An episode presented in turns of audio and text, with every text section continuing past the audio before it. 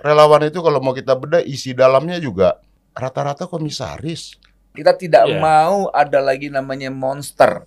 Karena saya lihat yang saya takutkan relawan ini akan menjadi monster-monster kecil yang menciptakan monster besar. Di berbagai negara mana pun, Hmm. ya, kepemimpinan itu baik presidennya, perdana menteri itu partai politik. Ya, proses Bukan demokrasi. lahir melalui proses gerombolan.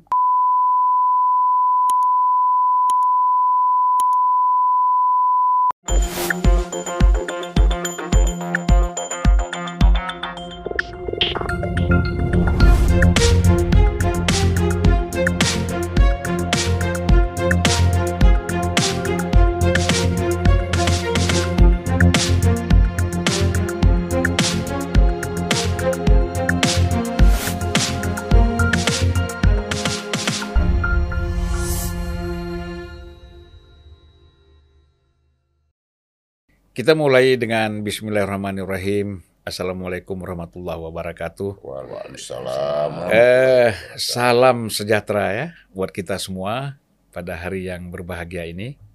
Nah, bersama saya hari ini sudah hadir itu Bung kita yang sudah saya kira semua kita sudah kenal, Masinton Pasaribu. Weh, siap. Abang Coba senior. Masinton tadi apa? Masyarakat Indonesia tolak nekolin. Woi, mantap. Ini Namanya ideologis. iya, namanya udah nama- melawan. namanya sudah Soekarnois. Yes. Ditambah Pasaribu lagi kan. Yo, Nah, saya ada sedikit. Pasaribu ini kalau di kalangan Arab sama dengan alatas. Oke. Artinya apa? Pasaribu Pasaribu ini ada aktivitasnya dari A sampai Z. Ya. Ada perampok besar, ada preman besar. Tetangga saya tuh band Pasaribu dulu di Medan. Oh iya, kenal kan? Tapi ada gubernur, ada anggota DPR, ada macam-macam intelektual ya kan?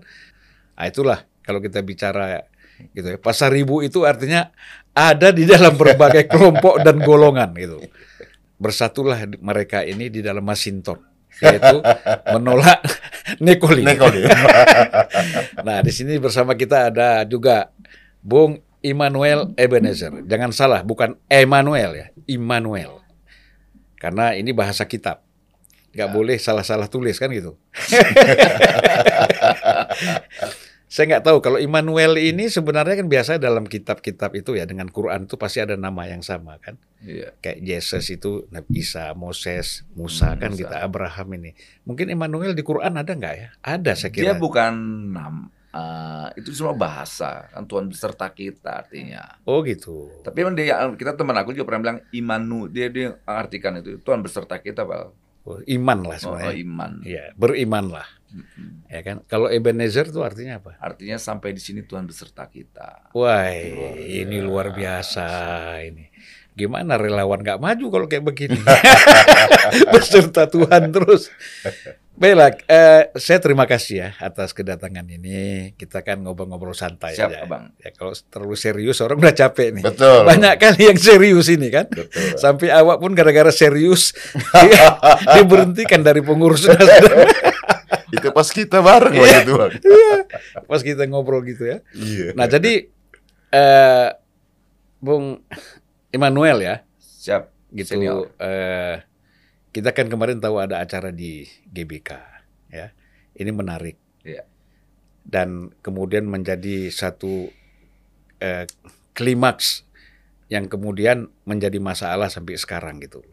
Nah, ini gi- gimana sih ide dasarnya kok kita apa ini memang keinginan Pak Jokowi atau memang relawan atau mungkin bisa kasih pendapat Sebetulnya ide itu sudah ada dari setahun yang lalu, kemudian dilanjutkan kemarin, akhirnya dipercepat lah. Memang ada ada problem ya, problem itu menjadi kritik eh, di masyarakat. Bahkan eh, PDIP juga ikut mengkritik soal eh, relevansi Hmm. eh, apa acara itu urgensinya di mana apa di mana tapi lepas dari semua kritik itu ya saya sedikit ingin menjelaskan eh, substansinya lah ya Hmm. yang paling penting adalah eh, acara itu terlaksana walaupun memang ada problem bencana tapi kan Hmm. eh, kita lihat bahwa isi dari acara itu kan juga kita apa menggalang yang donasi buat eh, Hmm. masyarakat Cianjur yang terkena Iya, iya. bencana. Itu pertama itu kedua, walaupun ada isi dari acara itu yang membuat orang terusik, publik terusik. Misalnya Hmm. kayak bicara masih ada aja spanduk-spanduk tiga periode dan sebagainya. Oh. Itu memang ya saya secara eh pribadi kan selalu menyuarakan penolakan terhadap gagasan tiga periode. Pak Sinton juga kalau dia taat konstitusi partai Bu Meganya ketua umumnya dari awal gitu dia tidak genit lah kalau Bu Mega udah punya ketegasan soal prinsip itu. Lantas kemudian ada peristiwa lagi kawan saya sebetulnya dia pengurus partai yang coba ingin menjelmakan dirinya sebagai relawan Beni Ramdhani bicara tentang soal apa tempur Hmm. yang dia tempurkan mereka yang beda pandangan dengan Presiden Jokowi dan itu semua tidak mendidik Hmm. tidak mendidik dalam arti gini kalau presiden tanpa kritik atau kekuasaan tanpa kritik itu bahaya itu akan menjadi monster Hmm. eh, pada akhirnya Iya. dan kita lihat eh, relawan-relawan ini ingin coba menciptakan monster dan relawannya akan menjadi anak monster dan itu tidak baik buat demokrasi Hmm. Eh, saya sebenarnya sudah apa sudah tidak nyaman juga dengan kerelawanan hari ini. Sebenarnya kan relawan itu kan lahir dari sebuah partisipasi politik eh, eh, saat itu karena ada kesumbatan eh, apa Hmm. tersumbatnya saluran politik lah. Jadi kan nah, Sinton tahu lah, beliau juga lahir dari relawan. Hmm. Mantan ketua Repdem relawan perjuangan demokrasi. Wah. Saya partai politik. saya partai tapi relawan juga lah gitu kayak gitu tapi lepas dari itu semua banyak eh, makna yang tersampaikan eh, saat acara itu misalnya kayak presiden menyampaikan pidatonya soal kode yang hari ini menjadi eh, pembicaraan publik soal rambut putih Hmm. karena memikirkan rakyat. Kedua, jangan eh, yang celing atau bahasanya itu sekarang itu yang glossy wajahnya, Hmm. Eh, bersih atau menandakan orang itu tidak bekerja untuk rakyat. Hmm. Bahasa-bahasa simbol ini kan sebetulnya kalau kita artikan secara substansi itulah yang diinginkan presiden. Jadi pre- pemimpin 2024 itu basisnya harus memikirkan rakyat, Kerja kedua bekerja untuk rakyat Iya. gitu loh. Jangan kata presiden yang duduk-duduk di istana. Hmm. Nah, eh, apa substansi ini saya maknakan itu menjadi patokan atau standarisasi yang diinginkan oleh eh, bangsa ini ke depan. Jangan sampai nanti ketika presiden sudah mem- apa me- mengerjakan proyek-proyek besar yang luar biasa yang bisa dinikmati oleh bangsa ini hancur karena persoalan pertama kemalasan dan pencitraan. Tapi yang ditangkap oleh masyarakat ya itu kan seolah-olah mengarahkan untuk Pak Ganjar itu Ya, dengan kita nggak tahu masyarakat putih, yang ya. mana gini. Nah makanya itu kan menjadi perbincangan publik ya, eh, Bang Jul.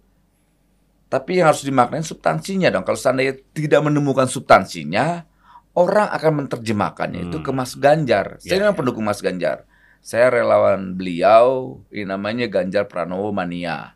Itu saya, tapi saya tidak mau GR terhadap eh, apa isi pidatonya. Tapi saya yang saya mau terjemahkan substansi dari Hakikat. apa yang disampaikan, Iya, iya. gitu loh. Dan Itu saya ingat juga penting. gini, eh, Bung eh, Bung Noel ya, bahwa dalam salah satu definisi politik itu dikatakan bahwa apa itu politik? Politik adalah Anda memikirkan tentang bangsa dan negara hingga rambut Anda putih. Ya, Itu ada tuh dalam satu dalam satu eh, definisi pengertian daripada ilmu politik. Mm, mm, mm. Jadi nggak salah juga Pak Jokowi. memang tidak ada yang salah. yang salah kan yang tidak mampu menerjemahkan makna Hmm. atau substansi yang disampaikan, Ya. yang akhirnya orang mengasosiasikan rambut putih itu ya Mas Ganjar. Padahal ada, ada hatta rajasa juga kan? ada Hatta Rajasa.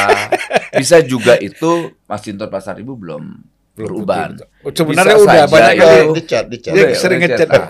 Bisa juga itu ke Mbak Puan. Ya. Ini kan orang hari ini kan bisa juga Bu Mega, Bu Mega apalagi mukanya sekarang kan Ya. eh, raut wajahnya sudah ya sedikit ini yang menua itu umur nggak bisa dibohongin. Ya. Bisa juga ke Surya Paloh gitu loh. Bisa ke siapa pun gitu loh. Ya. Tapi kan yang paling penting Kan standarnya. kalau Surya Paloh kan ada tambahan lagi, harus bereok kan enggak? Nah yang tidak disampaikan Pak Jokowi harus yang brewok gitu. Kalau Eh. brewok itu udah pasti lah kita. Iya. Tapi kan itu tidak ada disampaikan presiden. Tapi yang Iya. yang yang saya ingin sampaikan adalah soal substansinya yang paling penting. Hmm. Jangan kita mendapatkan pemimpin ke depan itu yang hanya duduk di istana, menikmati fasilitas, pencitraan, kemudian ya Iya, wajahnya eh, celing, cuman cuman berdandan lah istilahnya. Ya, pencitraan itu bahasa-bahasa Jokowi ini kan semua bahasa-bahasa eh, eh, apa ya? sindiran lah sebetulnya. Iya, iya. Dibilang gimmick juga gimana, tapi faktanya apa yang disampaikan presiden itu ya standar untuk kepemimpinan 2024 nanti eh, Bang Zul karena Iya, iya. kita juga tidak mau mendapatkan pemimpin yang akhirnya bukan kita mendapatkan pemimpin tapi kita mendapatkan monster. Itu yang kita takutkan. Makanya presiden coba ngasih standar nih loh. Bekerja untuk rakyat berpikir Iya, iya. untuk rakyat. Jangan cuma di istana saja. Ada tiga tuh pesannya tuh yang menurut saya sangat luar biasa. Ah, saya kan sebagai pendukung beliau ya Jokowi mania Joman.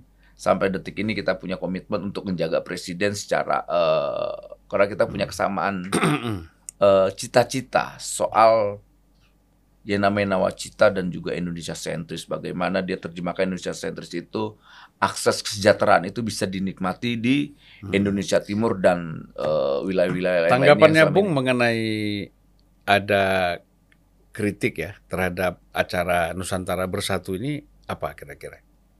kritik yang mana Ya macam-macam lah kritik kan. Sampai pada tadi ujungnya sekarang kan sudah viral itu menanggapi dan mengecam apa yang disampaikan oleh eh, siapa Beni Ramdhani Ra- Ramdhani misalnya. Nah itu makanya saya juga eh, termasuk orang yang mengecam sikap Beni Ramdhani kan saya. Hmm. Saya menolak sekali sikap sahabat saya itu Hmm. karena kita sama-sama dulu di gerakan eh, aktif 98.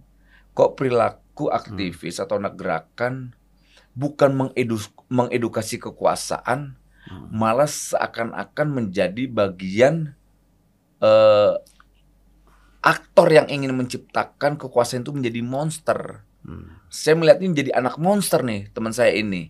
Seharusnya dia Jadi menjadi mengedukasi. kontraproduktif ya. Nah seperti itulah kira-kira Nah. bahasanya uh, Bang Zul. Hmm. Nah ini kan tidak baik lah. Makanya saya kemarin coba apa? Coba me, apa mengkritik uh, sikap dan pandangannya soal itu. Walaupun uh, sahabat saya itu coba mengklarifikasi bahwa dia bilang itu hanya penggalan video, tapi tidak penting soal penggalan video. Tapi itu ada fakta bahwa dia menyampaikan itu ke presiden bahwa ya secara substansi sama. Hmm. Harus ada penegakan Pak, tapi kenapa harus lawan dengan yang kritik? Gak boleh dong. Hmm. Apalagi dia sebagai pejabat publik ya. Kalau dia dia sebagai pejabat publik lantas eh, dia sebagai eh, eh, aktivis seharusnya dia bicara tentang gagasan apalagi dia bilang kita banyak Pak kita ini loh kita harus tempur. Nah, harus tempurin siapa? Hari ini bangsa ini tidak dalam kondisi perang. Pertama itu. Kedua bangsa ini tidak dalam kondisi juga kampanye. Atau Gitu kita loh. lihat kalau saya bisa kita simpulkan juga ya Benny Ramdhani dalam keadaan panik aja. Nah, saya nggak tahu dia panik atau tidak atau ya saya saya tidak mau terlalu jauh persoalan dia panik atau tidak. Tapi yang jelas apa yang dia eh, eh, sampaikan ke presiden sebetulnya itu tidak etik dan elok lah ya. Ya, ya. Sebagai pertama dia pejabat negara. Sementara kita kan bicara Nusantara Bersatu, Iya. tetapi tiba-tiba muncul kon menciptakan konflik kan Mm, gitu. Tapi secara substansi ya kalau dari apa yang dia sampaikan penegakan hukumnya kita sepakat. Ya. Tapi jangan juga penegakan hukumnya karena ada lawan-lawan politiknya presiden dengan kritik dan sebagainya kemudian instrumen hukum itu dijadikan alat untuk melakukan tindakan hukum dalam eh, merepresif atau mengkriminalkan orang-orang yang beda pandangan. Nah, Tapi kan saya kira yang saya tolak. Eben, saya kira eh, Pak Jokowi sudah paham lah ya bahwa dia tidak akan terjebak lah eh, dengan ucapan-ucapan atau arah-arah yang untuk eh, mendiskreditkan dia ya atau katakanlah dengan apa yang disampaikan oleh Benny Ramdhani ini Pak Jokowi kan sangat paham bagaimana menyeleksi yang pantas dengan Iya. yang tidak pantas gitu ya. Saya mungkin ke Bung Masinton ya. Siap. Nam- Nampaknya nampaknya PDIP banyak sekali tanggapan itu, mulai dari Pak Said ya, terus kemudian eh, Sitorus ya, eh, terus termasuk Bung Masinton mungkin ada juga ya memberikan tanggapan. Gimana nih sebenarnya masalah PDIP ada apa dengan Nusantara Bersatu ini? Pertama terima kasih dulu sama Bang Julpan senior kita nih Pak Noel. Iya. Beliau ini selain senior kita di pergerakan, tapi senior saya juga di partai politik. Oh, dan beliau pemikiran juga. Oh iya, beliau pernah di PD Perjuangan. iya. Kalau sekarang beda partai, eh, itu persoalan tool saja. Majabnya sama. Beda partai itu kan lahiriah kan, Iya, tapi batinnya belum tentu beda kan. Jadi pertama gini bang, kalau kita ke substansi, apa sih yang mau kita lihat dari momen relawan saat ini ya? Hmm. Ini kan selain romantisme yang lebih dikedepankan, saya Iya, rasa iya. itu. Nah ini kan relawan Pak Jokowi, kan gitu ya, Bung Noel juga Iya. Jokowi mania. Hmm. Ada relawan Nusantara kemarin, Hmm. kumpulan-kumpulan relawan kan gitu. Iya, nah relawan ini kan nggak ubahnya ya, dia menjadi fans club ya. Hmm. Nah, Tapi kan nggak semua relawan katanya hadir kemarin kan? lah iya, maka nanti kita bedah lagi tuh, Pak. Oh iya iya Iya kan? iya. iya. Nah, katakan nih romantisme 2000 pemilu 2014 untuk memenangkan Pak Jokowi itu yes. Ya, Momentum kemudian untuk melanjutkan pemilu 2019 oke. berhimpun menggalang kekuatan. Oke. Iya. Nah, sekarang konstitusi kita kan membatasin Dua bahwa periode. masa jabatan presiden itu dua periode. Mm-mm. Nah, terus apa urgensi saat ini apa? Relawan. Keberadaan relawan ini. Iya, dengan menginikan tetap dengan menggunakan na- nama relawan pendukung Pak Jokowi. Hmm. Iya kan? Iya. Atau mungkin mau bermetamorfosa menjadi pressure group. Mm. Nah, kalau pressure group ya, kalau kita di pergerakan itu kan bagian dari pressure group. Ya. Mm. Masyarakat sipil, ada NGO, mahasiswa apa dan lain-lain, pressure group terhadap negara, state. Iya. Kan gitu, Bang. Nah, jadi jelas sebagai sebuah entitas entitas eh, masyarakat sipil itu jelas yang kita tentang kekuasaan yang semena-mena. Iya. Nah, sekarang oke, saya melihat ada pergeseran dari tadi eh, relawan itu ketika pemilu 2014 dan 2019 Hmm. itu adalah sikap voluntarisme, Hmm. Sikap kerelawanan Mm. ingin memenangkan Pak Jokowi. Iya. Yes, oke. Gitu loh. Nah, saat ini apa? Memenangkan siapa? Hmm. Konstitusi membatasi. Iya. Nah, Harus- ke- ketika berhimpun berarti ingin menggalang satu kekuatan yang di-endorse gitu. Mm. Siapa? Mempresor partai-partai politik. Mm. Iya kan? Iya. Karena apa? Syarat secara prosedural formal calon presiden dan calon wakil presiden itu dicalonkan oleh partai politik. Mm. Bahkan syaratnya memenuhi presidensial threshold 20%, 20 persen. Oleh dan partai. suara 25% Iya. secara nasional. Hmm. Pun kalau mau dibikin 0%, tetap syaratnya adalah partai, politik. Itu konstitusi kan? Di berbagai negara mana pun, Mm. ya, kepemimpinan itu baik presidennya, perdana menteri yaitu partai politik. Iya. Proses Bukan demokrasi. lahir melalui proses gerombolan, kumpulan. Nah, gitu. Hmm. Nah, sekarang apa? Kumpul-kumpul begini kan semua kita tahu, nggak bisa dikamuflase lah. Hmm. Kumpul-kumpul itu politik. Iya. Relawan itu kalau mau kita bedah isi dalamnya juga rata-rata komisaris Mm. yang gerakkan. Iya. Termasuk Bung Noel juga kemarin komisaris. Sekarang nggak lagi. Ya sekarang nggak lagi ini dulu. Beliau lagi sedang mempersiapkan diri untuk ke partai politik. Bagus. Iya. gitu. Nah, sekarang pertanyaannya, komisaris BUMN boleh terlibat politik praktis? Tidak. Makanya saya mundur dari komisaris sekarang. Iya. Nah, artinya itu tadi perubah pergeseran-pergeseran tadi itu bang, saya lihat. Eh, kemudian ini menggunakan mantel relawan, Hmm. Volunteer, Iya. gitu. Tapi isinya aventurir, Iya. para petualang politik sebenarnya Mm-mm. dalamnya itu. Elit-elitnya kan begitu ya. Kalau Ya. masa yang dimobilisasi itu pure relawan. Ya, Oke. Maksudnya elit-elit yang Elit-elit relawan. relawannya tadi itu kan rata-rata komisaris. ya. Bahkan ada kepala badan Oh, BP2MI Mm. gitu. Nah, rata-rata dibedah aja tuh. Boleh nggak Hmm. komisaris itu berpolitik praktis? Mm. Gitu.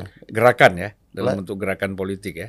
Iya, itu berpolitik praktis itu melalui ini tadi kamuflasenya adalah Relawan. relawan tadi. Hmm.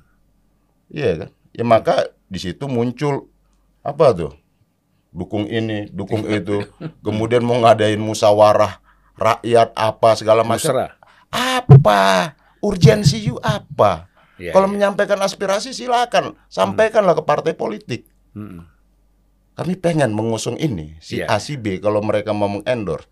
Jangan berlindung di balik eh, apa mantel relawan tadi yang punya Iya. kepentingan politik. Sayang masyarakat itu Hmm. ya eh, dimobilisasi untuk hasrat Mm.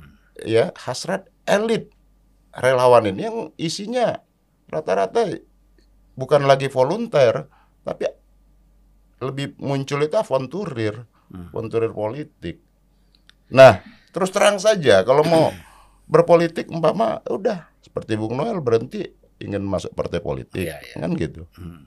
perjuangkanlah di sana kalau jadi- dia latar belakang partai politik ikut dalam aktivitas itu yakinkan partai politiknya Jadi persoalannya bukan pada persoalan yang dilihat ya oleh PDIP ini bukan persoalan ini bukan persoalan Pak Jokowi hadir di situ atau bukan juga persoalan penyelenggaraannya tapi ini orientasi orang-orang yang satu juga momentumnya nggak tepat bang oh ya hari ini umpama pemerintah berkali-kali menyampaikan kebetulan saya di Komisi 11 Mm-mm.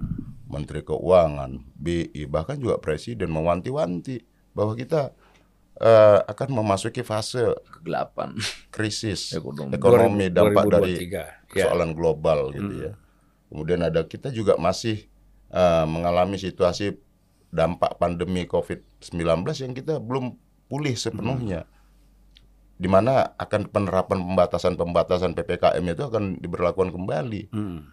melihat situasi kan. Kemudian ada mobilisasi massa dalam jumlah besar. Terus kita juga baru terdampak saudara-saudara kita di Bencana. Cianjur itu bencana Mm. di mana masyarakat di daerah pedesaan itu kesulitan mengakses Mm. bantuan. Nah, harus yang digalang adalah membangun empati, solidaritas dan gotong royong. Bukan kemudian memobilisasi massa dalam jumlah besar dengan biaya yang sangat besar. Mm. Kan mudah kita hitung aja tuh, Bang. iya kan Bung Noel kita ini kan semua Kalau biaya itu digunakan untuk Cianjur itu udah luar biasa ya. Bisa iyalah ratusan miliar Bisa bangun berapa rumah bisa itu? bantu bangun berapa rumah. Iya. Kan gitu, Bang. Nah, ratusan. dengan mengumpul-ngumpulkan begitu itu apalagi urgensinya Mm. ya kalau mau eh, menyampaikan aspirasi politiknya mengendorse si A si B ya menyuarakan si A si B Mm. C D E banyak salurannya datang aja ke partai politik Iya, iya. kami pengen si A si B C D sampai Z datang partai-partai politik Ini lain. perlu ada satu hal yang perlu kita klarifikasi ya. Iya. Kebetulan ada Bung Mansinton di sini. Eh, seolah-olah kan begini, PDIP ini marah karena ada kesan ya dengan mengucapkan rambut putih tadi, wah ini diarahkan ke Ganjar, kemudian lalu wah ini kok kayak memaksa-maksa partai harus ke satu ini ke ke Ganjar padahal kan kita belum memutuskan itu, Ibu Mega belum memutuskan. Gimana? Kesan itu benar nggak? Tidak lah, saya rasa itu kan kalau orang ber, berasumsi dan ini ke mana pernyataan Pak Jokowi itu kan bisa aja ya. Tapi kan Pak Jokowi pasti memahami juga bahwa beliau kan kader PDI Perjuangan. Ya. Kami semua di PDI Perjuangan juga memahami bahwa mekanisme keorganisasian eh, Pak kepartaian PDI Perjuangan itu adalah melalui Kongres mandat kepada Ibu Megawati Sebagai ketua umum. sebagai ketua umum PDI Perjuangan, Ibu Haja Megawati Soekarno Putri lah yang akan mengumumkan dan memutuskan calon presiden dan calon pres- wakil presiden yang akan diusung oleh PDI Perjuangan. Mm-mm. Dan kami semua uh, taat dan tegak lurus pada itu. Jadi ketika umpama Pak Jokowi bicara tentang uh, pemimpin itu harus rambutnya putih ya. Kemudian yang jangan duduk di AC, dekat ke rakyat, mendengar suara rakyat, mengerti keinginan rakyat dan mau memperjuangkan rakyat. Nah, saya rasa substansinya di situ tuh, Bang. Dan mengerti tentang kemajemukan Indonesia. Hmm. Nah, pesan itu yang menurut saya yang penting kita eh, apa? Pahami ya. pahami sehingga apa pun tidak ada dalam teori politik yang kita pahami di dunia ini kepemimpinan itu lahir dari warna rambut, bentuk wajah kan gitu. Iya, iya, Artinya yang perlu kita pahami adalah substansi dari Iya. kepemimpinan ke depan itu ya, memang kepemimpinan yang jangan hanya enak di ruang ber-AC, Jangan tapi mau ya. mencium keringat rakyat, mau mendengar suara rakyat dan mengerti dinamika kebinekaan dan kemajemukan di Indonesia ini. Atau kalau kalangan marhen itu mengatakan jangan kita pilih pemimpin salon lah. Betul. Eh, hanya bicara- Pemimpin yang mengerti dan pernah tinggal di gubuk-gubuk ya rakyat. Ya, jangan miskin. hanya kita jangan kita memilih pemimpin yang hanya bicara tentang rakyat dalam ruangan tertutup, Iya. tapi harus terjun ke tengah-tengah rakyat kan. gitu. Betul. Dan kalau era teknologi sekarang jangan terpesona dengan pemimpin yang cuma main di sosmed-sosmed. Kira-kira kan gitu. Iya. Yang merekam jejaknya, bukan jejak.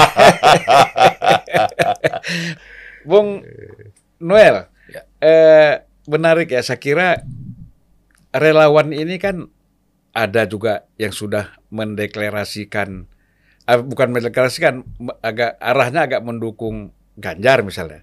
Bahkan Bang, Bung Noel pernah ya, Ngomong- Saya yang awal awal sekali ya, Ganjar. ya Ganjar. Oke. Mendukung. Tapi kan ada juga sekarang orientasinya ke arah Pak Prabowo ya. Gini, Gimana tuh saya ceritanya? mendukung Ganjar itu ada politik nilai yang saya perjuangkan. Hmm. Tidak ajak ujuk mendukung Ganjar. Politik perjuangannya apa? Politik nilainya. Saya menolak gagasan tiga periode. Hmm. Itu tuh saya ngotot. Karena saya harus apa tetap konsisten pada apa yang saya perjuangkan. Kemudian nanti Mas Ganjar eh, diterima atau tidak tadi persis apa yang disampaikan eh, Mas Sinton. Pasaribu. Di partai itu ada mekanisme. Hmm. Ada mekanisme kongres dan ada pemegang mandat atau hak prerogatif itu di Ketua Umum Bu Megawati Soekarno Putri. Dan itu yang nggak bisa dilanggar oleh siapa pun gitu loh. Karena mereka punya pertimbangan-pertimbangan tersendiri dan terukur gitu. Jadi eh, Ya. eh, substansinya apa yang saya perjuangkan soal itu tadi eh, eh, Bang Zul soal bagaimana produk eh, haram Hmm. yang berkaitan dengan gagasan tiga periode ini harus kita tolak dulu. Makanya saya sudah senang tuh Ah, PDI sudah ya walau PDI belum ya belum bicara tentang eh, capres copras capres lah. PDI konsisten dengan kerja-kerja kerakyatannya misalnya karena itu perintah eh, mandat eh, organisasi. Hmm. Kita lihat sudah ada Anies Baswedan nyalonin, kemudian ada Pak Prabowo nyalonin, kemudian mudah-mudahan aja tidak lama lagi eh, PDIP akan menyalonkan lah kader entah siapa gitu namanya. Tapi yang paling penting gagasan sesat tiga periode ini sudah ada, tidak ada lagi lah. Apa tadi saya pikir mau ngomong yang paling penting Ganjar. Oh enggak enggak. saya tidak eh, saya tidak terlalu tertarik soal itu sebetulnya. Iya, iya. Saya tertarik Enggak, soal ini pikiran saya aja. Oh, saya tertarik soal orang yang bicara tentang gagasan untuk Indonesia Iya, ini ke depan seperti Benar. apa. Ya. Bangsa ini mau ke mana? Nah, itu yang paling penting. Iya. Karena gini, dampak 2017 dan 2019 polarisasinya kan sampai detik ini kan kita sudah tidak lagi ada kepercayaan satu sama lain, curiga. Nah, nah polarisasi ini kan kalau seandainya kita tidak atasi dan kita tidak tangani dengan Hmm. cara yang baik, dengan cara dialog, Hmm. kemudian kita bukain namanya rekonsiliasi. Demokrasi kita ke depan 2024 ya akan kembali lagi seperti 2017 dan 19. Hmm. Ya itu lagi karena Polarisasi elit lagi. dan aktornya masih itu-itu juga gitu loh. Makanya harapan saya untuk menghadapi 2024 nanti ya kita berharap para tokoh-tokoh ini bicara tentang rekonsiliasi lah. Kita buat kesepakatan nasional. Hmm. Kita buka yang namanya pengakuan terhadap kesalahan kita 2019 untuk tidak bisa mengulangi lagi itu. Agar apa? Demokrasi kita itu kuat di 2024-nya kan kita sepakat bahwa eh apa yang bagus itu adalah kekuasaan bisa dikontrol oleh rakyat. Nah untuk hal itu apa? Berarti penguatan demokrasinya. Ya berarti partai Betul. politik dong. Lah iya, partai politik ah. ya, partai politik tetap. Nah, makanya saya sangat menghormati sekali apa yang eh, dilakukan Bu Mega ketika gagasan tiga periode itu nongol. Satu-satu yang berani secara langsung tolak itu cuma ketua umum PDIP. PDIP. Dia taat konstitusional, bukan tidak punya peluang dia untuk mengiyakan. Kurang gimana tidak eh, eh, Pak Jokowi itu kan kader PDIP ya Pak Masinton ya. Hmm. Tapi Bu Mega punya konsistensi dan integritas soal apa? Konstitusi. Ya, ya. Saya Dan kira ini menurut saya pendidikan politik yang harus mendapat sebuah apresiasi dari kita yang punya semangat untuk penguatan demokrasi itu sendiri. Jadi eh, semoga nanti kita tidak mendapatkan monster dan anak-anak monster lah ya. Saya juga punya kekhawatiran sama apa yang eh, dikhawatirkan eh, Sinton atau kawan-kawan di luar sana yang mengkritik eh, relawan-relawan. Relawan itu kan tadi saya eh, dari awal saya sampaikan sebetulnya relawan ini lahir dari sebuah kebuntuan politik. Akhirnya lahir kemudian menghasilkan eh, eh, apa partisipasi politik yang bagus lah waktu itu. Kan presiden didukung nenek-nenek juga datang. Lantas ada semacam apa eh, eh, eh, eh, apa diskusi politik sampai di rumah lah ya. Walaupun mereka bertolak belakang. Yang neneknya nolak eh, dukung Jokowi yang satu dukung Prabowo. Artinya apa? Demokrasi itu sudah masuk dalam ruang-ruang privat. Itu itu eh, positifnya. Nah negatifnya dampaknya apa polarisasi itu karena kenapa Hmm. negara tidak bisa menjawab dan menyelesaikan problem itu sampai detik ini Hmm. seakan-akan bahkan menurut saya itu terpelihara gitu atau dipelihara. Eh, saya eh, mungkin Bang Zul yang paham soal itu tapi kita tidak mau kalau kita yang punya kesadaran politik Iya. yang eh, ingin bangsa ini maju ke depan kita kan tidak mau terjebak dengan apa konflik-konflik tidak penting kan soal dukung Tapi mendukung ini kan seperti cuma lima tahunan Bung Noel ya, kalau saya lihat dari beberapa ucapan-ucapan relawan kan, kita menunggu siapa yang didukung oleh Pak Jokowi, kan gitu. Nah, soal kita nggak- artinya memang ada keterlibatan Pak Jokowi di dalam menentukan siapa capres yang akan datang. Ini gimana nih? Gini, yang menarik itu apa yang disampaikan Sinton tadi. Ini banyak elit-elit relawan ini akan menjadi volunteer. Hmm. Akhirnya mereka berselancar lah dengan eh, stylenya, dengan eh, skateboardnya, tanpa melihat yang namanya konstitusi. Konstitusi itu jelas menyebutkan bahwa mengusung kepemimpinan itu melalui mekanisme partai. Hmm. Nggak bisa jadi relawan. Kalau relawan bikin jadi partai. Iya, iya. Gitu ton ya kira-kira ton ya. Jadi eh apa Hmm. orang yang bicara tegak lurus ya wajar lah Bang Zul ya. Kayak saya juga pasti tegak lurus ke presiden. Tapi soal pilihan politik ya itu hak konstitusi saya. Hmm. Warga Nah, negara. itulah yang saya lihat ada semacam apa saya ini kritik atau kritik untuk kawan-kawan saya yang relawan. Orang-orang ini kan punya basis intelektual. Mereka lahir dari akademik, ada sebagian juga dari dunia gerakan. Kok menjadi patu buta gitu loh. Hmm. Padahal dia punya hak untuk memilih dan dipilih Hmm. gitu loh. Tidak harus patuh. PDIP aja yang mengusung Jokowi saja tidak terlalu patuh juga tuh. Karena dia patuh terhadap kesepakatan yang sudah ada di partainya. Begini loh. Makanya dia ketika ada gagasan Ya. tiga periode langsung ditolak tuh.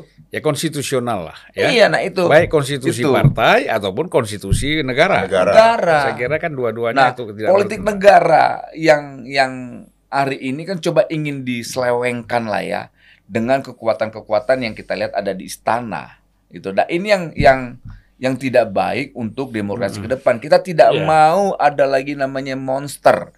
Kita khawatir monster-monster ini. Hmm. Itu loh. Karena saya lihat yang saya takutkan relawan ini akan menjadi monster-monster kecil yang menciptakan monster besar. Yang rugi apa? Demokrasi yang kita perjuangkan. Ya. Kedua, bangsa ini. Itu loh. Kalau Bang Zul setuju dengan eh, monster-monster ya silakan ya. Tapi kalau saya Ya. khawatir tuh, ya nggak Ton? Kita khawatir nggak Ton dengan Saya kalau jadi ini? monster takut sama Masinton Ya saya. gini, relawan ini kan bisa terukur lah ya. Iya. Saya ini relawan Jokowi. Hmm. Kalau seandainya kita punya pengurus sampai desa, itu bukan relawan namanya. Ah. Yang relawan itu adalah volunteer gerakan ya. Namanya relawan nggak rela yang lawan gitu doang. Ya. Yang bisa itu cuma organisasi.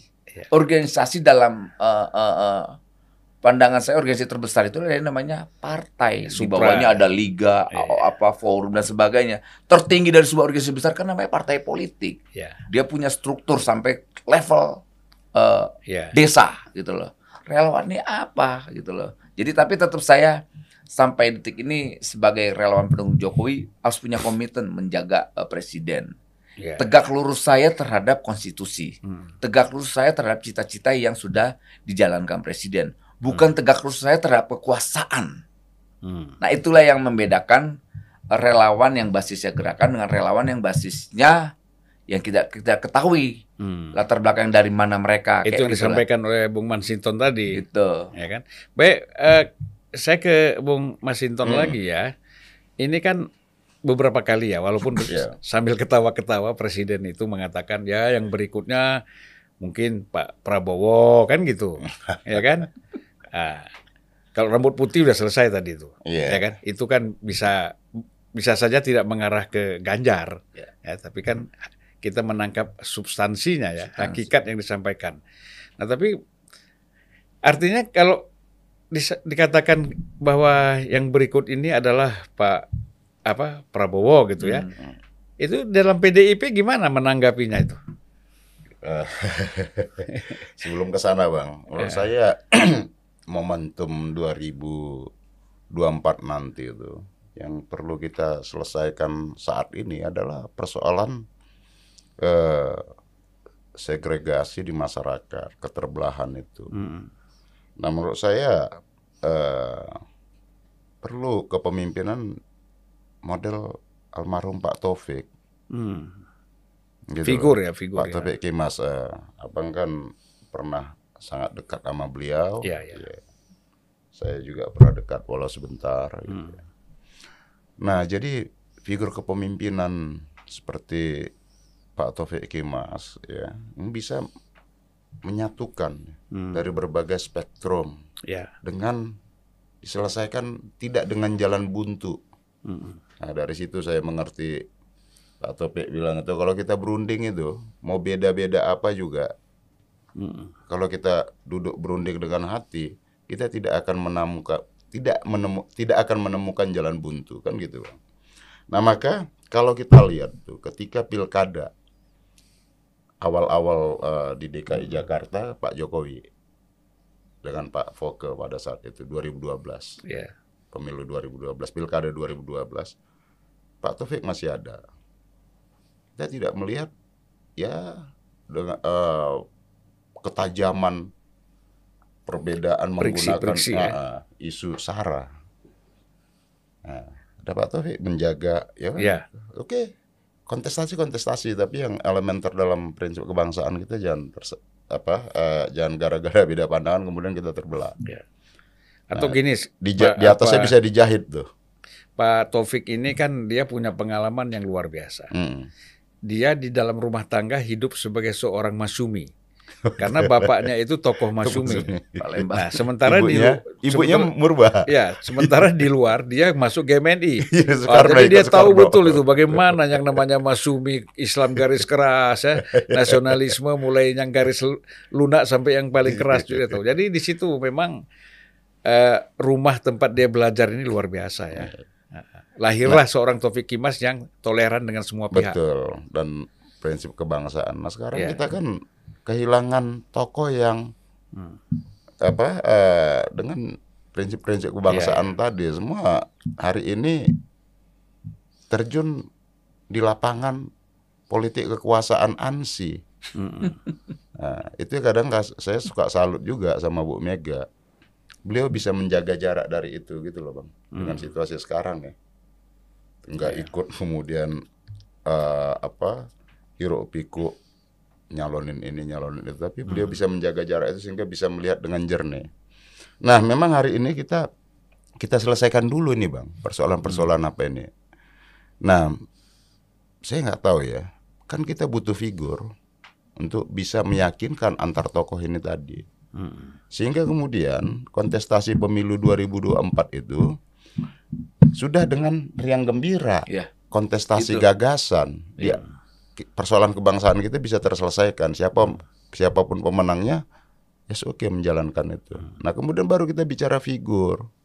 Iya. Selesai persoalan dasar tadi ini, Iya. kemudian kita bicara figur siapa. Oke, ini sekarang eh, pemerintahan Pak Jokowi selama dua periode banyak membangun infrastruktur. Kemudian eh, tentu tidak semua bisa terselesaikan dalam masa dua periode ini. Nah, gimana kesinambungannya? Kan gitu. Karena itu kan menggunakan anggaran negara, notabene uang rakyat. Tidak boleh ada program proyek mangkrak. Hmm. Karena itu sudah dibiayai dengan rakyat. Bagaimana kesinambungannya? Nah, artinya apa? Eh, sehingga kita rakyat itu bisa merasakan program ke- kesinambungan dari satu pemerintahan ke pemerintahan lainnya. Meskipun itu mu- mungkin berbeda gitu ya eh, polanya, tetapi apa yang sudah dibangun bisa dilanjutkan tidak dimangkrakkan kira-kira gitu. Karena itu akan merugi yang dirugikan rakyat. Nah, ini kan penting Ini, buat ini kita. saya Bang. perlu perjelas tuh. Artinya apa yang belum diselesaikan oleh periode Pak Jokowi, presiden selanjutnya harus menyelesaikan. Berkesinambungan. Ah, ya. Sehingga ada kesinambungan tadi, Bang. Karena apa? Bukan siapa yang membangun menurut Iya, saya. iya. Karena ini kan rasanya kan yang merasakan manfaat pembangunan itu kan rakyat, bukan kita bukan kita yang di atas atas ini, tapi kepada rakyat kan sebenarnya. Iya. Dan itu sudah dialokasikan menggunakan APBN, gitu loh bang. Jadi kan memang begini ya.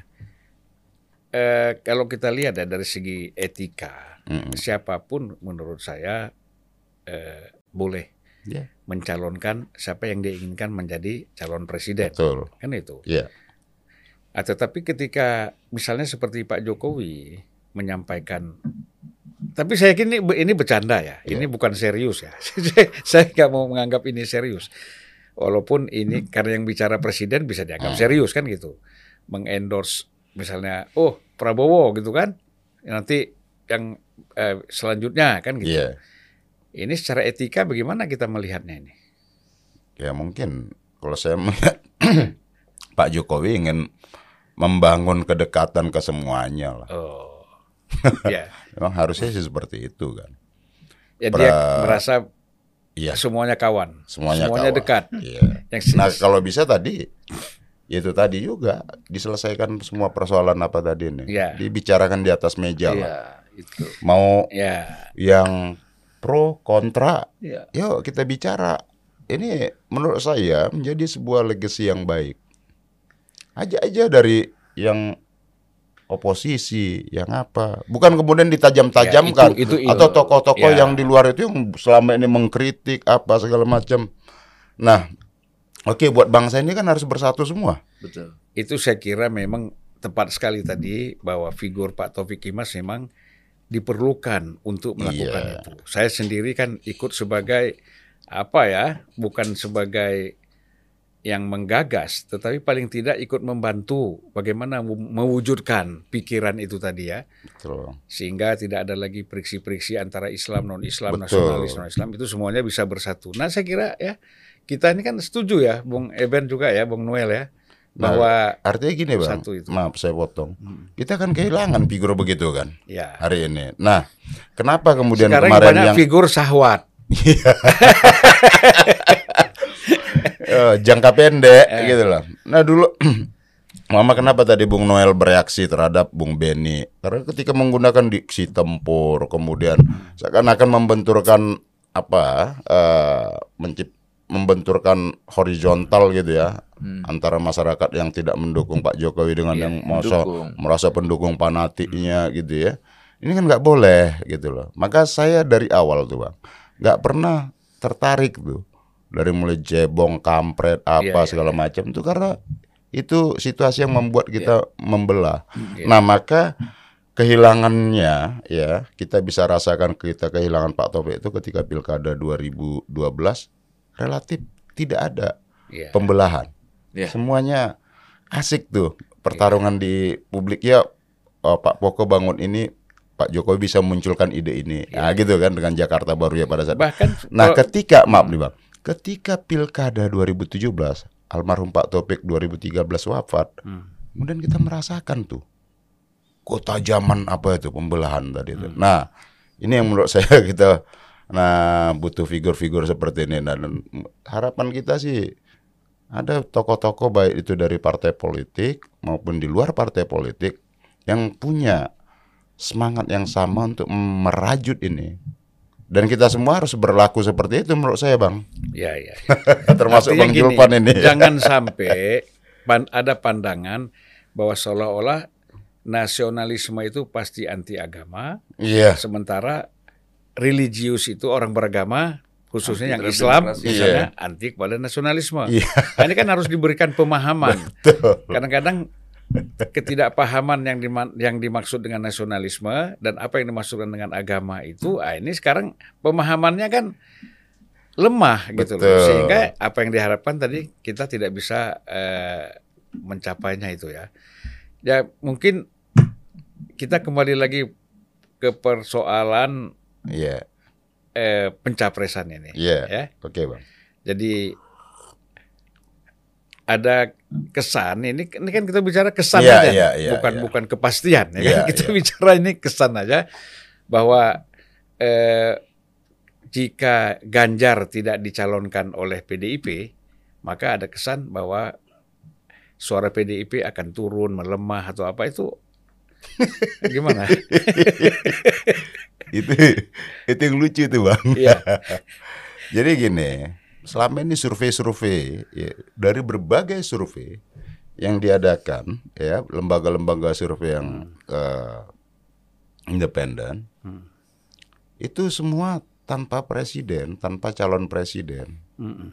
gitu. Ya PDI Perjuangan ya alhamdulillah tetap tinggi masih dipercaya ra- masyarakat Indonesia di Iya. posisi yang ti- tertinggi Hmm. di atas 20 persen. Iya. Nah itu tanpa calon Iya, presiden. Iya, iya, Nah itu kan persepsi yang diukur lewat uh, metode survei itu bang. iya. Nah artinya apa? Ya, ini kan bukan karena PDI Perjuangan itu memperoleh raihan suara itu bukan karena semata-mata karena figur Eh, Ansi, tetapi efek ya. iya Ekor apa? eh, ep- ekor jas dari Eh, eh, presiden. eh, eh, calon presiden, tetapi karena memang eh, kekuatan organisasi kerja partai di berbagai level di seluruh eh, wilayah Indonesia. Nah jadi itu yang membuat apa Bu Mega ya beliau berkhidmat cermat teliti Iya. ya melihat dinamika politik saat ini sehingga eh, kami percaya betul ya siapa pun yang beliau putuskan itu adalah yang terbaik. Jadi bangsa intinya ini. beginilah ya, relawan Jokowi ini sebenarnya nggak perlu ada lagi ya. Menurut saya sih bang sebagai sebuah Hmm. Ya kalau kerelawanan ya kerelawanan se- sejatinya relawan Iya, volunteer iya, itu itulah yang dikedepankan. Ya. Ja, nah kalau saya melihat pergeseran tadi ya dari kerelawanan tadi Hmm. bergeser menjadi sebuah entitas entitas politik. Hmm. gitu loh mencoba untuk menjadi sebuah entitas politik menekan partai-partai politik gitu loh Hmm. harus dukung si A dukung si B. kalau saya lihat ya kecenderungannya nah di situlah hilang tuh. Si hilang tuh jiwa volunteernya kerelaannya. Ya. gitu loh. Ya. di level elitnya ya. Ya. kan itu tadi seperti Bung Noel bilang relawan itu ya rela-rela ya kawan. Kalau nggak rela ya kita lawan. Kan gitu aja kalau relawan sejati ya relawan Iya. gitu nah ini kan tidak. Di level elitnya menjelma menja- mencoba ya Iya, mencoba menjelma menjadi sebuah entitas politik ya karena nyadar betul bahwa konstitusi membatasi Pak Jokowi nah teman-teman yang berada di dalam fans Pak Jokowi ini bingung Hmm. hingga mendompleng Pak Jokowi untuk bisa menyalurkan hasrat politiknya. Dan Iya. kemudian nanti kalau ngendorse A, ngendorse B, ya alhamdulillah bisa kepilih kembali. Ya ki- paling tidak bisa mencantelkan harapan Ya. harapannya di situ. Nah, ini yang menurut saya ya eh ada pergeseran tadi itu di level elitnya. Kalau di bawah sih, kalau di bawah sikap volunteer semua itu kita akui, saya akui itu. Ya, ya, ya. Itu pure Mereka rakyat. Memang rela. Iya, Nggak kita pakai nggak pakai uang dia. Iya, iya. Kalau kita ini kan semua kan pelaku kan, Bang. Iya. Teman-teman di pergerakan kita, kita kan ngerti. Iya. Kalau di bawah itu pure. gitu. Iya, Tapi di level iya nggak bisa dibohongi. Iya. Itu adalah suara kehendak hati mereka untuk bergerak. Tetapi di level Iya. di level elitnya ini kalau saya lihat sikap voluntarisme bergeser menjadi avanturir tadi. Ya, Menjadi ini kan sebenarnya menjadi- kan harus tahu batasnya ya. Iya betul. Jadi kalau urusan pencalonan presiden itu urusan partai politik. iya. Nanti kalau sudah diputuskan partai politik, relawan bergerak ke arah mana yang ingin dia dukung kan gitu. Betul. Beda halnya ketika umpama pemilu 2019 di mana Pak Jokowi masih mencalonkan relawan 2014 kembali itu dihimpun kita lanjutkan kembali. Nah, tetapi ini konstitusi sudah membatasi. Nah, era 2019 kemarin itu mau ngapain? Ya, ya. Oke, kalau masih satu suara ya digalang aja dia dengan kegiatan-kegiatan lain bukan kemudian ya kalau tahu eh, apa bukan kemudian berubah menjadi entitas politik yang mencoba menekan sana sini. Kan beliau-beliau teman-teman di relawan itu kan tahu Pak Jokowi ya sebagai apa eh, beliau-beliau tersebut sebagai fansnya Pak Jokowi Pak kan ngerti Pak Jokowi itu kader partai politik. Pastinya Pak Jokowi ikut arahan Ketua umum. keputusan ikut keputusan ya. Kongres ya. maksud saya ah, dalam organisasi partai ini saya bicara bukan dalam level beliau sebagai presiden, Presiden, ya, ya. Sebagai kader partai beliau pasti ikut putusan organisasi eh, partai beliau PDI Perjuangan. Dan itu semua Ibu Megawati. Nah harusnya kan relawan Ya. manut aja di situ kalau memang pure sebagai fans dari Pak Jokowi sebagai relawannya Pak Jokowi Nah, tapi kalau ya ini tadi saya katakan tadi ya, kalau udah berubah menjadi sebuah entitas politik, ya percuma aja gitu loh. Karena apa pun eh bukan dengan pengumpulan massa begitu atau dengan musyawarah rakyat lah katanya atau apa segala macam. Datangin aja partai-partai politik. Iya. Kami pengen aspirasinya A, B, C gitu. Nggak perlu harus pakai bikin nanti pakai musyawarah rakyat. Iya kan? Kalau tegak lurus pada Pak Jokowi, ya sudah tegak lurus saja pada Pak Jokowi. Jangan bikin musra-musra. Iya kan? Iya. Tegak lurus pada Pak Jokowi, merah kata Pak Jokowi merah, putih kata Pak Jokowi putih, karena dalam konteks sebagai kader partai, Pak Jokowi. merah putihnya eh, calon presiden yang akan diusung oleh PD Perjuangan itu akan diputuskan oleh Ibu Megawati Soekarno Putri. dan Pak Jokowi ikut itu kan Ikut sebagai itu, kader. iya sebagai dong. kader, ya. Seperti itu. Harusnya kan begitu. Ya, jadi begini aja. Kalau saya lihat ini relawan, kalau nggak hati-hati ya, Iya. nanti begitu Pak Jokowi ke sini dia kelulusan gitu, masuk jurang nih. Betul Bang. Iya kan? Kalau analogi ya. Nah, jadi mereka punya pikiran terlalu jauh. Nih Pak Iya. Jokowi ini akan ke sana nih. Iya, Ternyata begitu Ibu Mega putuskan ini Pak Jokowi ke sini kan, kan bisa masuk jurang itu. Kan sudah ada, sudah terjadi. Udah ya. Kemarin Presiden menyampaikan eh, sepertinya ya, kalau orang yang tidak mampu menerjemahkan seakan-akan apa yang disampaikan Presiden Jokowi itu dukungan Presiden Jokowi itu ke Pak Prabowo itu real. Gitu. Maka tiba-tiba ada kawan-kawan saya langsung mendeklar dukung Prabowo Hmm. gitu. Ya, Sinton tahu lah ya, Sinton tahu lah. Ya, ada juga satu forum sama saya pernah ngomong begitu. mm, ya. ke Prabowo. nah, sekarang tiba-tiba Jokowi ngomong si rambut putih, kawan saya ini kebingungan. Ah, Bahkan dia merasa, aduh gue kayak diceburin nih. ah. Nah, kayak gitu. Iya, itu kayak begitu loh. Makanya saya bilang, ya ampun ya, beginilah. Saya kadang-kadang ya akhirnya benar apa yang disampaikan Sinton. Ya volunteer itu dia me- sekarang Mm-mm. menjadi menjelma menjadi kelompok aventurir gitu, petualang lah jadinya. Karena tidak ada semacam perjuangan ideologi. Jadi dia cuma hanya bicara tentang bagaimana eh, bagaimana bukan menjaga bagaimana selalu bisa nempel dekat kekuasaan. Ya gitu ya kira-kira.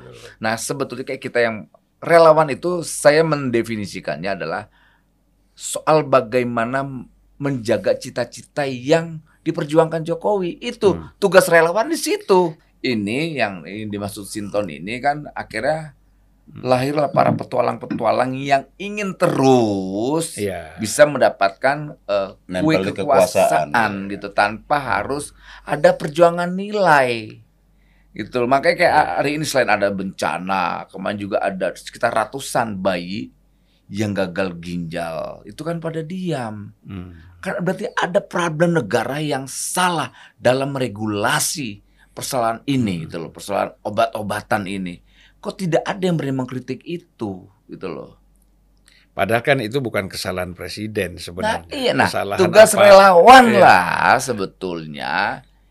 Ini kan relawan itu kalau mau kita ini lagi, ya dia watchdognya lah, anjing penjaganya ya kan. Hmm. Dia problemnya tidak, dia lupa gitu loh. Itu lupa seakan-akan ya dia merasa besar karena memang Jokowi melegitimasi itu ton. Hmm. Iya. Ya relawan punya kontribusi besar eh, dalam eh, memenangkan saya dua periodik. Ya betul itu fakta. Tapi yang saya khawatirkan itu diterjemahkan bahwa relawan ini ya bisa lagi nanti begitu belum belum, belum tentu. Hmm. Karena memang setiap gerakan itu kan ada fase sejarahnya. Ada Mungkin memang ya. itu momentumnya relawan kemarin gitu Iya, loh. iya. Nah sekarang dengan industri digital ini kan tidak bisa lagi kita berbohong-bohong gitu loh. Iya. Semua terrecord. Makanya ya para politisi, elit hati-hati. Iya. Ini era digital ini semua terrecord dan susah men-take down-nya, susah menghapusnya gitu loh. Ditutup ini yang nongol di sini. Tutup sini nongol. Kasus kayak Freddy Sambo lah ya kan. Buat dia semua bisa di take down. Dia kecolongan tuh ada berita cuma abal-abal dari Jambi, peng naik Hmm. Ketangkap di situ. Ya, ini ini harus orang paham tentang era digital ini. Ini rezim rezim keterbukaan. Ini digital kan rezim ya, rezim global.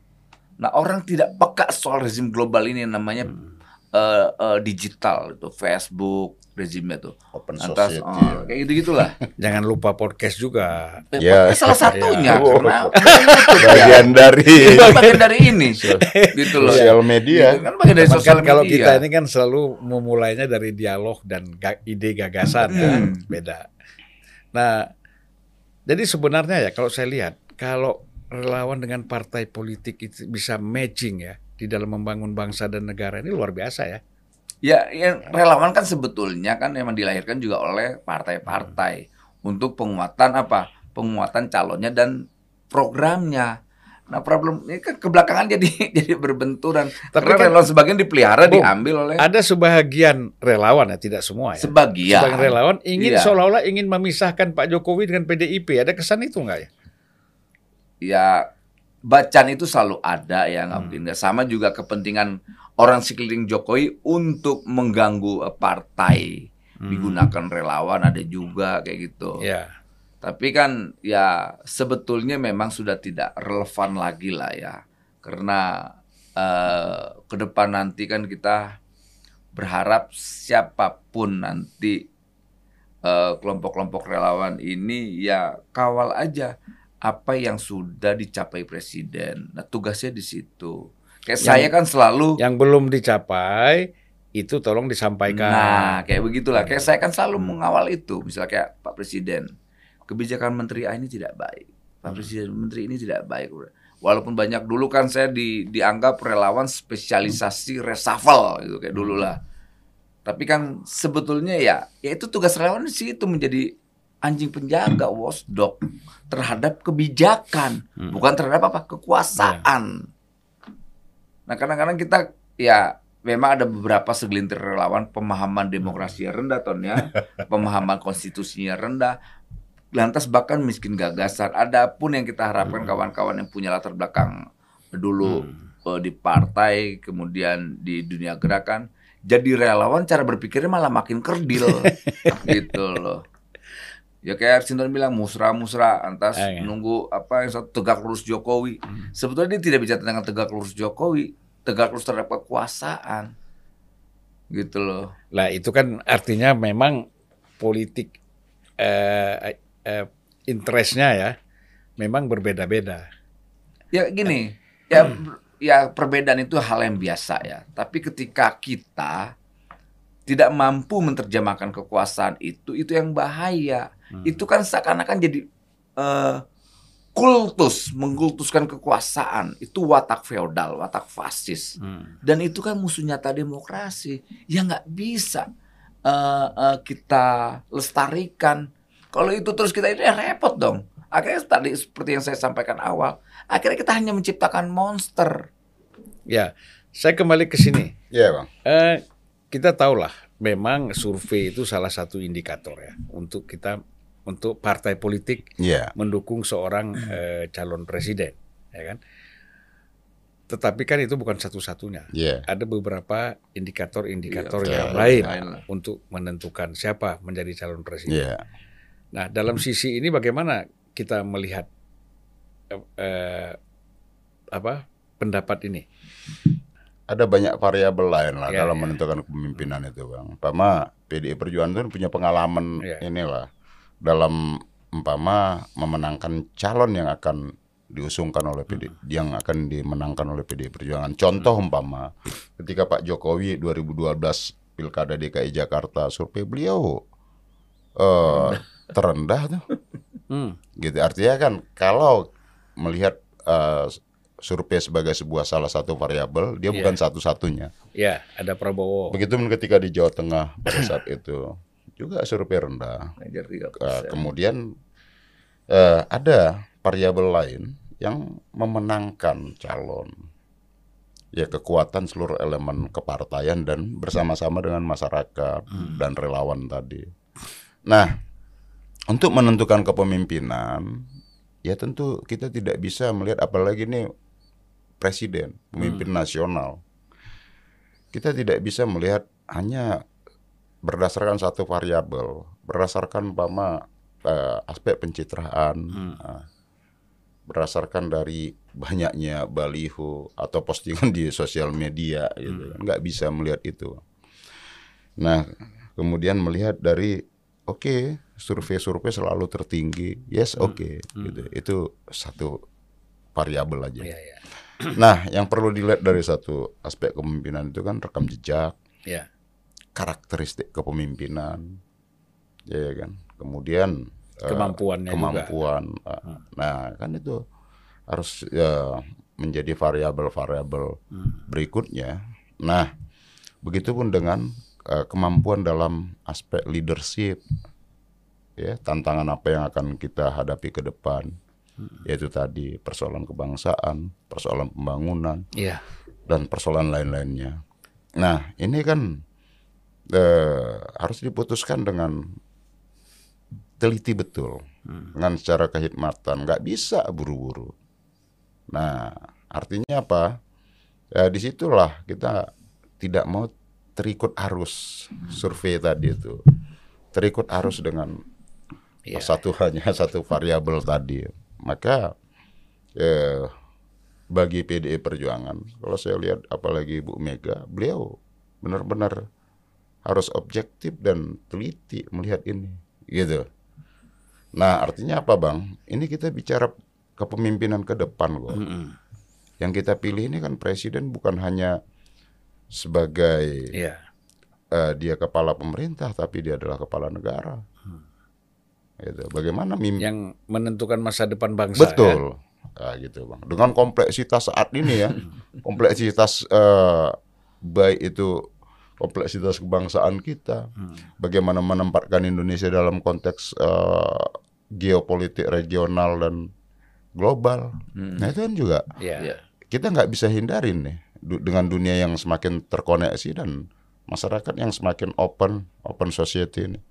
Nah, jadi gini, eh, ada kelompok masyarakat, apakah ada relawan, ada kelompok masyarakat, ada partai politik tertentu juga Mm-mm. yang seolah-olah ini kan ingin mengendorse Mm-mm. eh, Ganjar untuk menjadi calon presiden, ya kan? Nah, ya apakah itu berdasarkan keputusan rakernas ataupun berdasarkan eh, usulan-usulan dari kader-kader yang ada kan gitu, Mm-mm. yang di luar rakernas misalnya, Mm-mm. muncullah kan kelompok-kelompok partai politik Ya. yang mendukung itu. Nah, ini kan selalu mereka seolah-olah ini keinginan Pak Jokowi kan segitu yang terbangun gitu kan. Ini bagaimana PDIP melihat ini?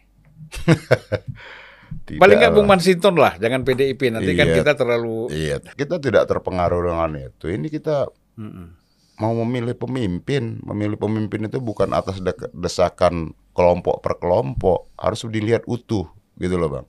Apalagi kalau kita lihat umpama kita bicara itu tadi, kalau kita mau ulas ke kerelawanan hari ini, ya, menurut saya sih teman-teman yang hari ini sebagai mengklaim tetap sebagai dengan menggunakan nama relawan sebenarnya sudah tereduksi itu makna dari kerelawanan tadi. Volunteerismenya sudah tereduksi ya udah itu langsung aja itu sebagai sebuah kelompok politik yang kebetulan berada di lingkaran Pak Jokowi ingin ber ini bermanuver politik gitu aja sebenarnya. Simpelnya kan begitu. Tadi pressure group itu udah benar itu. Iya, cuman pressure groupnya juga direduksi maknanya. Kalau pressure group eh, kita dulu itu bang, pressure group itu terhadap negara yang eh, apa menindas ke rakyat, sehingga lahirlah kelompok-kelompok baik dari kampus, Ya. civil society, NGO dan lain-lain untuk melakukan pressure terhadap kebijakan-kebijakan negara yang otoriter. Nah kalau sekarang pressure groupnya apa? Buk eh, mau mencoba bukan pressure group saya la- saya rasa, tapi lebih pada sebagai sebuah eh, entitas politik kecil nih dengan jubah Ini relawan kalau tadi. itu. kata istilah Bung Noel bilang ini domplengan aja. Hah? ingin Iya kan? Ingin Ada kelompok yang Ini ingin saling do- mendompleng, namanya kekuasaan. ah, mendompleng aja. Saling Jadi- memanfaatkan aja. sih. Nah gini Bung Noel, eh, kita sudah saya sudah mendengar tadi ya bahwa memang ada perbedaan dan eh, saya nggak berani menyebutnya perpecahan ya, tetapi ada perbedaan di dalam eh, relawan-relawan yang ada.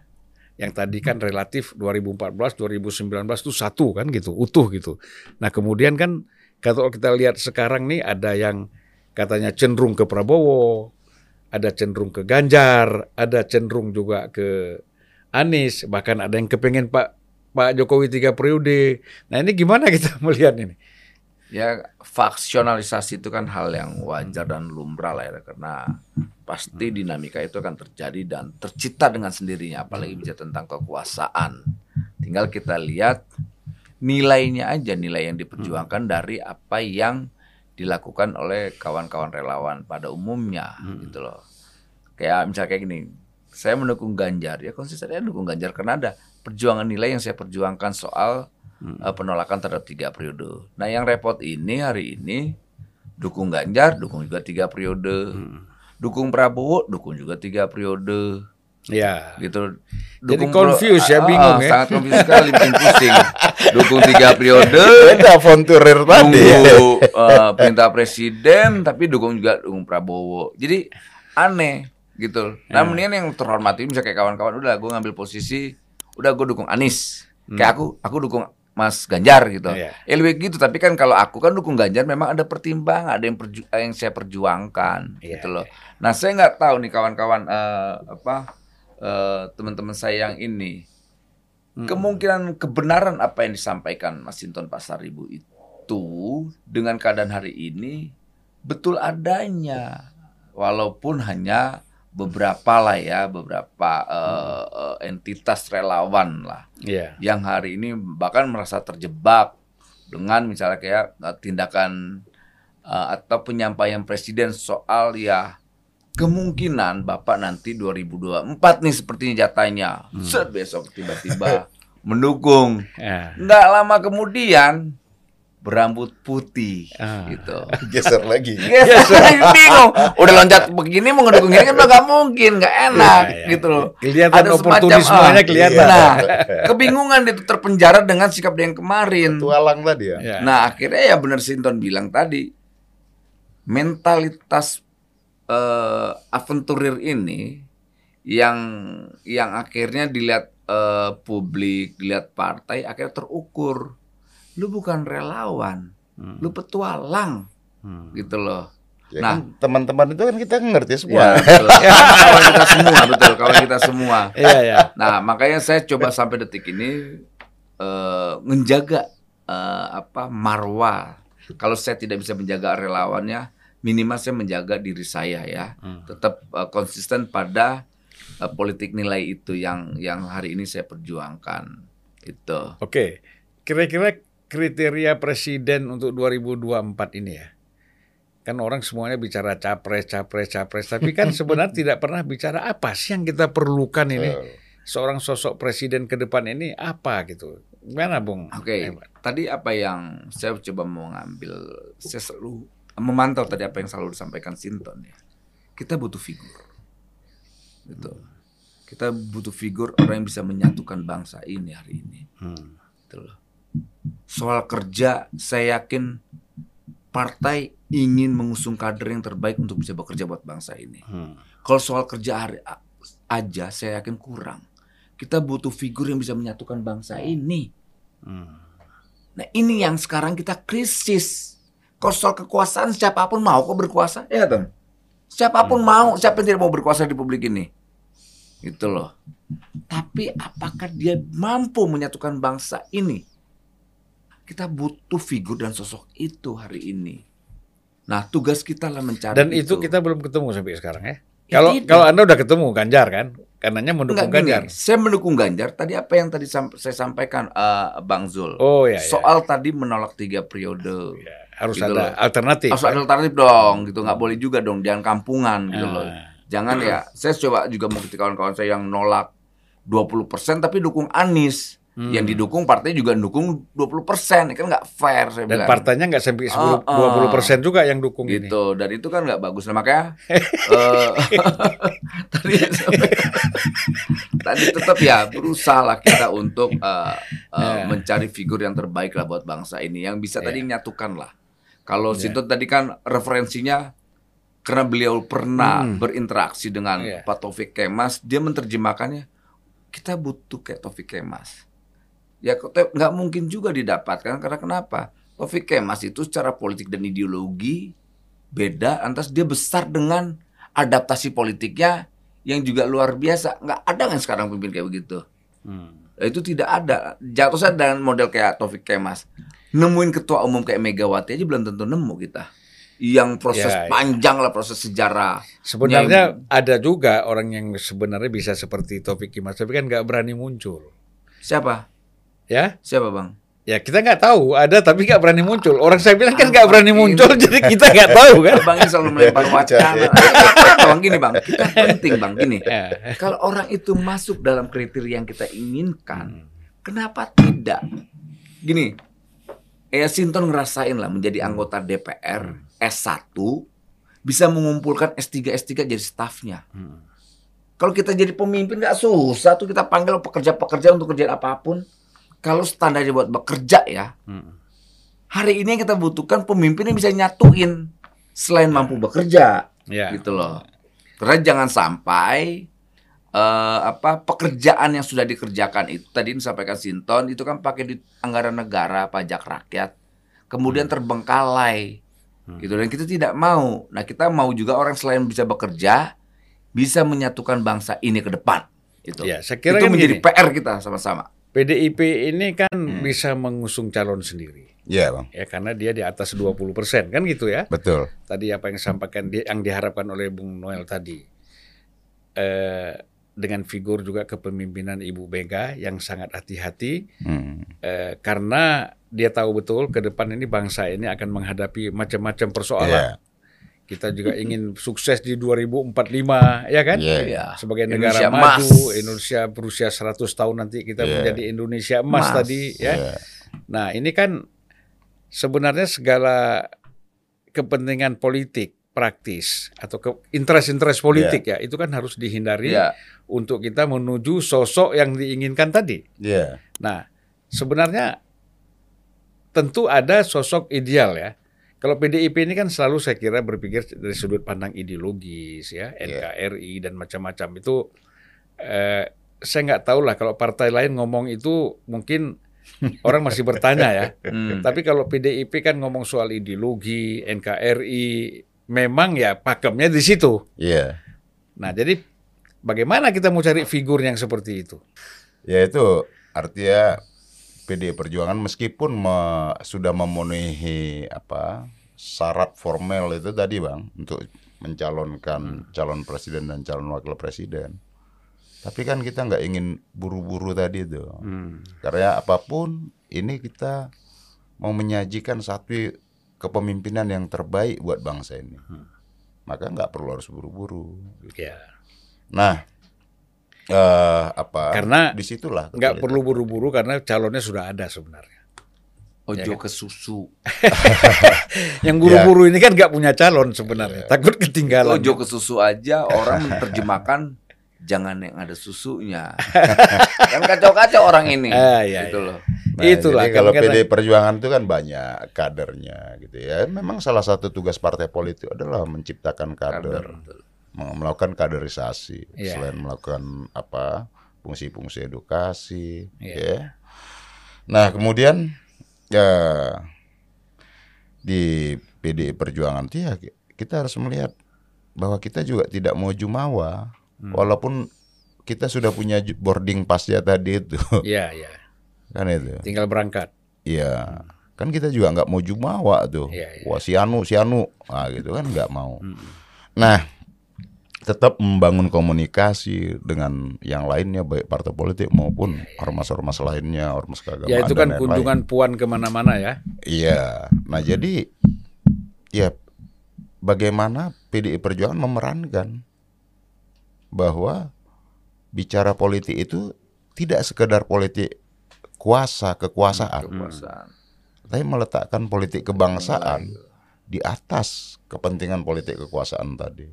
Nah maka di situlah PDI Perjuangan berhati-hati, jeli dan berhikmat. Di situ Bu Mega selalu menempatkan bagaimana satunya kata dan perbuatan. Nah gitu bang. Nah maka kalau Pama didesak-desak, ya mohon maaf aja gitu Iya, kan. iya, iya. Kan abang juga Thank you, paham. Bu. Iya, iya. Bu Mega semakin didesak-desak, bukannya eh, Mundur. mundur, Iya. malah Ya. meng- mengeras. Gitu. Hmm. Nah itu kan karakter dari Ibu Mega, kepemimpinan beliau, ke gua, Ton? karakter Iya. kepemimpinan. Gitu kan. Sebenarnya kan begini Pak, eh, Bung ya. Kalau saya lihat, kalau memang sudah pantas, merasa dirinya pantas, berkualitas dan sukses, Iya. mempu- memenuhi berbagai kriteria yang diharapkan ke depan saat ini dan ke depan untuk membangun Indonesia, dia santai aja. Betul. Ya kan? Nggak usah Karno bikin macam-macam. Iya, Bung Karno kan menya- selalu menyampaikan Ah. dibutuhkan kesabaran revolusioner. Ya. Sekarang kan nggak ada lagi, jarang orang revolusioner. Sekarang kan orang pragmatis. Ya, itu Ah, ya. ya. Kalau bicara revolusioner ini kan Ya, kesabarannya yang memang kesabaran. harus benar-benar paripurna. gitu. revolusi tidak bisa mendadak, perlu kesabaran.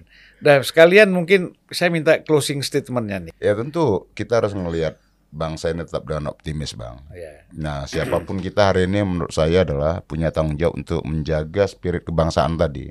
Ya. Dan harus merekatkan bahwa perbedaan itu bukan bukan dianggap sebagai sebuah permusuhan, tapi perbedaan itu adalah bagian dari dinamika kita berbangsa. Hari ini kita bisa beda pilihan, Ya. tapi spirit kebangsaannya harus tetap sama. Hari ini kita bisa beda calon, tapi pertemanan dalam keindonesiaan itu harus tetap sama. Ya.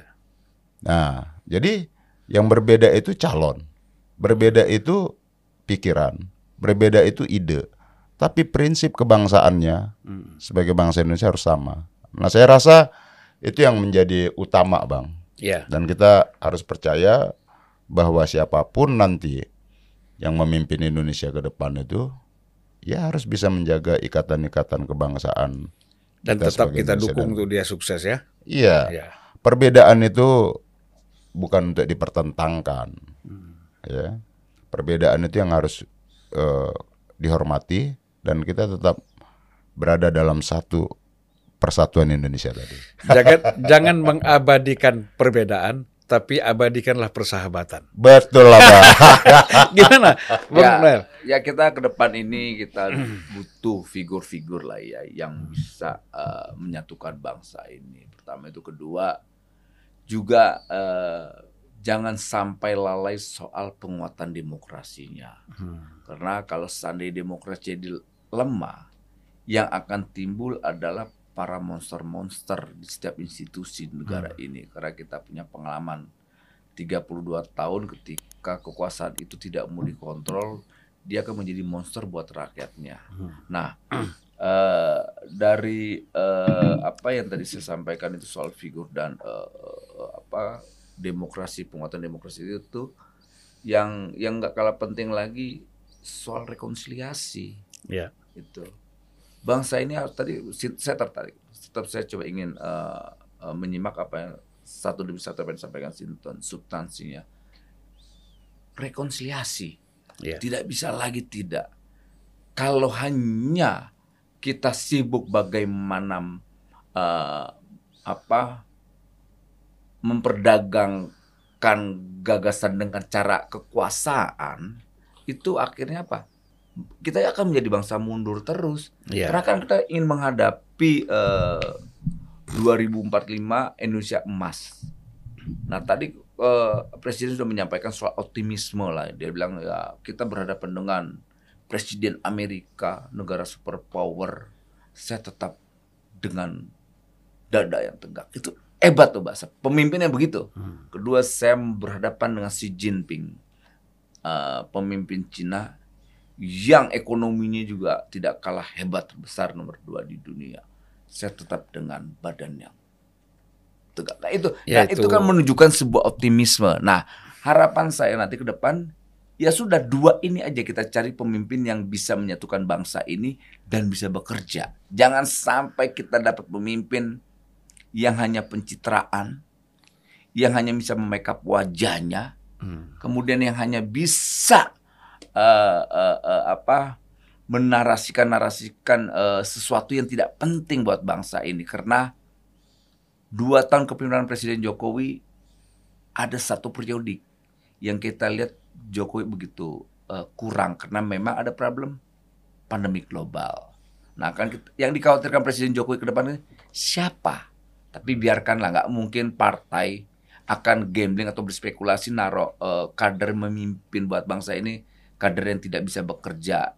Tapi tadi figur tadi itu soal bekerja saya yakin banyak.